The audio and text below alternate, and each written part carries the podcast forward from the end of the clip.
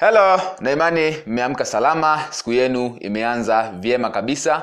Uh, moja kwa moja bila kupoteza muda katika siku ya leo, ningependa kushare na wewe mbinu moja muhimu sana inayoitwa mimic mimic technique. Inaitwa mimic technique. Mbinu hii ni muhimu sana pindi unapokabili kipingamizi chochote cha wateja wako. Lazima uanze na maneno hayo ili kuweza kubadilisha mtazamo ama saikolojia ya mteja ili kuona kwamba umemwelewa jinsi anavyomaanisha na umeheshimu mawazo na maoni yake. Maana ya mimic maana yake ni kuiga. Sasa inaitwa mimic technique yani mbinu ya kuiga. Sasa uige vipi? Iko hivi. Mteja anapokupa kipingamizi chochote mteja anapokupa kipingamizi chochote kile pindi anaponunua bidhaa ama huduma kwa mfano labda akwambia nitakuja kesho ama ngoja niongee na mke wangu au, au mme wangu ama nita, nita bei yako ni kubwa sana. Vile vipingamizi muhimu vikubwa vyote vile unaweza ukaitumia mbinu hii kwanza kabla hujatumia mbinu yoyote ile kukabili kipingamizi cha wateja. Iko hivi kwa mfano labda mteja akasema nitarudi kesho. Nitarudi kesho. Mbinu hii jinsi inavyofanya kazi inayoitwa mimi unafanya hivi mteja akisema nitarudi kesho. Cha kwanza kabisa mwambie kama nimekuelewa vizuri au ngoja nione kama nimekuelewa vizuri. Umeipenda bidhaa au huduma hii lakini ungependa urudi kesho si ndio?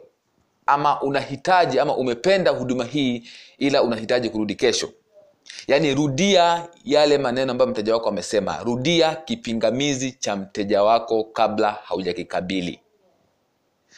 Narudia tena mbinu hii inayoitwa mimiki maana yake unarudia kipingamizi cha mteja wako kama jinsi alivyosema kabla hujatumia mbinu yoyote ya kukabili kipingamizi cha wateja. Maana yake ni kwamba maana ya kusema kwamba kama nimekuelewa vizuri au ngoja nione kama nimekuelewa unamaanisha kwamba umeipenda bidhaa hii ama huduma hii ila ungehitaji kurudi kesho.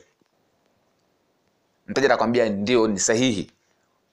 Kama nilivyokwambia mara ya kwanza hakikisha mteja anasema ndio kwanza kabla hujaomba kuuza which means akishasema ndio anaamini kwamba umemwelewa jinsi alivyosema na vile vile hujapinga kipingamizi chake.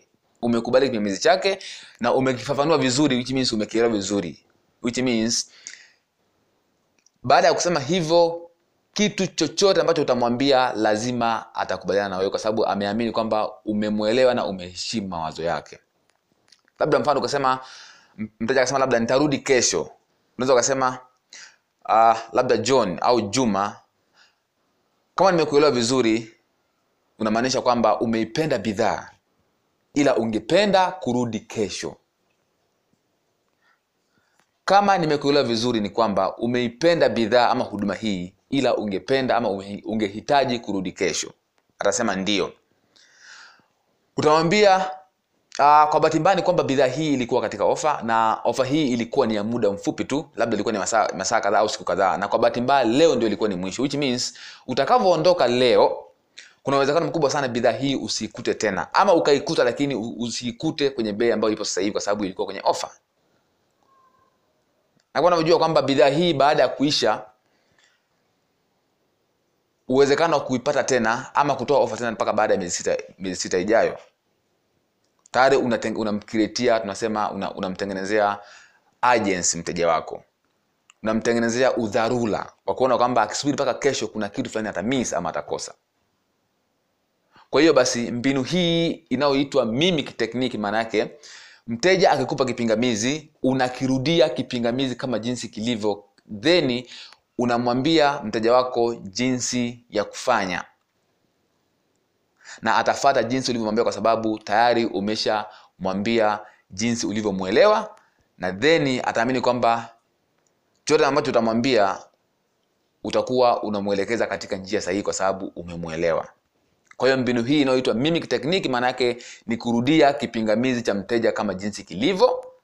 Kwa kukifafanua zaidi narudia tena kwa mara ya mwisho mteja akikwambia labda nitarudi kesho ama amekupa kipingamizi chochote kile mwambie hivi kama nimekuelewa vizuri john au juma au hamisi ama flora umependa bidhaa ama umeipenda huduma ila ungependa kurudi kesho you get me? Kwamba tayari umeshakirudia jinsi alivyosema. Neno la muhimu ni kwamba lazima umeingiza kitu kipya kwamba umeipenda bidhaa ama huduma hii which means tayari ana uhitaji wa hiyo bidhaa yako lakini yeye angependa kurudi kesho. Get me? Kwa hiyo tayari inamtengenezea kisaikolojia kwamba umemwelewa na umeheshimu mawazo na maoni yake kabla hujakabili kipingamizi chake. Lazima rudia kipingamizi chake. Then baada ya kurudia anaamini kwamba umeelewa vizuri na umeheshimu mawazo yake bila kupingana na yeye. Baada ya hapo mwambie jinsi unaotaka kumwambia atafuata kwa sababu ameshaamini kwamba baada ya kumwelewa recommendation yako yote ile itakuwa ni sahihi kwake. Okay? Ila usikabili kipingamizi kwa kubishana na mteja kama wengi wanavyofundishwa pindi ukibishana na mteja ndipo hapo hapo utakavyokosa mauzo ya mteja huyo. Na kama nilivyokwambia kwamba vipingamizi vya wateja ni ishara ya mteja kuvutiwa na bidhaa yako. Vipingamizi sio sawa na no. No ni no. Ila mteja akikupa kipingamizi which means bidhaa yako ameipenda na anaihitaji na anaitaka. Ila tu kuna kitu bado hajakiamini ama hajakiweka sawa. Kwa hiyo unavyosema una, una kwamba kama nimekuelewa vizuri ni kwamba umeipenda bidhaa na unahitaji ila tu ungehitaji kurudi kesho au ungependa kurudi kesho you see tayari umesha umeshafunua kwamba ameipenda bidhaa na anahitaji ila angependa kufanyaje? Sasa unaweka kipingamizi chake pale. I hope utakuwa umeielewa. Na kama kuna swali basi usite kuuliza na nitafanua vizuri zaidi. Asanteni